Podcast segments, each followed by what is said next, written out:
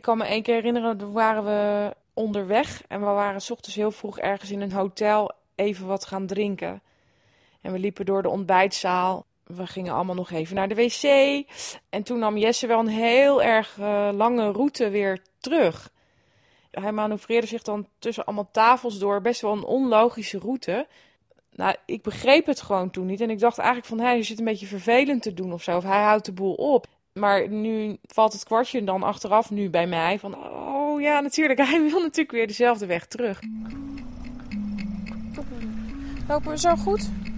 Ja, ik stap gewoon in mijn eigen stappen zonder dat ik het merk. Je eigen voetstappen. Ja, daar stap ik nu in, zoals ik gekomen ben. Als ik ergens naartoe moet lopen, met heel veel zigzaggende auto's en zo, dat vind ik heel moeilijk. Op een parkeerplaats bijvoorbeeld. Ja, wel net wel. Het weggetje dat Jesse ergens naartoe loopt, in huis of buiten, op de camping, moet hij ook weer op precies dezelfde manier teruglopen.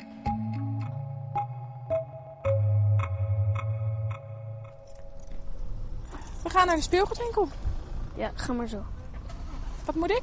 Zo, ga maar.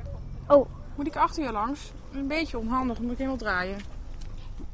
Hij staat heel vaak een beetje te... Dan staat hij echt te wachten tot ik een stap zet. Dat, dat is dan altijd... Heeft het alleen maar tot doel dat hij ja, zijn weggetje terug kan lopen zoals hij het ook heen is gelopen. Dus vaak moet hij dan even een rondje om mij heen draaien, omdat het anders niet meer klopt. En nou wil ik even zo terug. nou. Nee. Maar waarom? Beschrijf nou eens wat je nou voelt. Nee, ik voel me nou niet lekker. En toen vroeg ik, wat, wat gebeurt er dan als dat jou niet lukt? Als ik dat niet doe, dan stop ik dat in mijn hokje.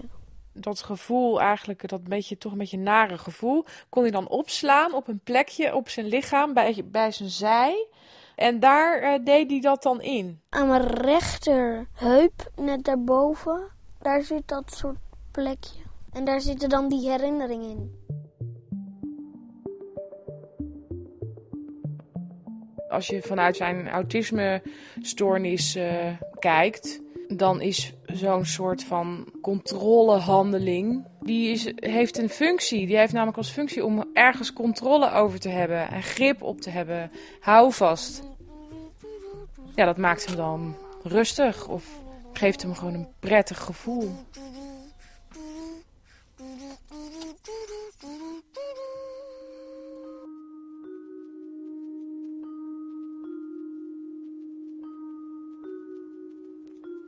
Ik ben wel benieuwd hoe ontwikkelen dit soort eh, gedragingen zich. Hij is nu tien en ja, hoe gaat dat zijn als hij straks in de puberteit komt? Ik ga wel zo in de auto stappen hoor. Ik ga niet zo in de auto stappen.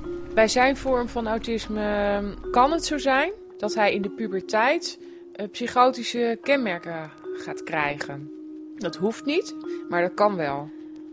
Bij psychose horen wanen, eh, horen soms ook stemmen die opdrachten geven. Of hoort ook dat je, dat je denkt dat iedereen tegen jou is. Dat vind ik wel erg eng. Vind ik gewoon eng, want het is heel ongrijpbaar. Wij zijn klaar met alle boodschappen. En nou mag jij van mij kiezen hoe we naar de kassa gaan. Zo. Dan staan we wel een beetje in een gangpad. En daar is hij leeg. Daar staat niemand. We doen deze. Dan deze. Prima. Aan de ene kant wil ik hem graag dat gunnen. Ik wil hem zijn rondje gunnen of zijn weggetje terug. Ook al moet hij daarvoor onder mijn uh, wasmand doorkruipen. Of moet ik daarvoor een onhandige stap uh, opzij of schuin achter naar achteren zetten. Aan de andere kant, ik wil niet dat dat het gedrag uh, erger wordt of zich op heel veel terreinen gaat uitstrekken.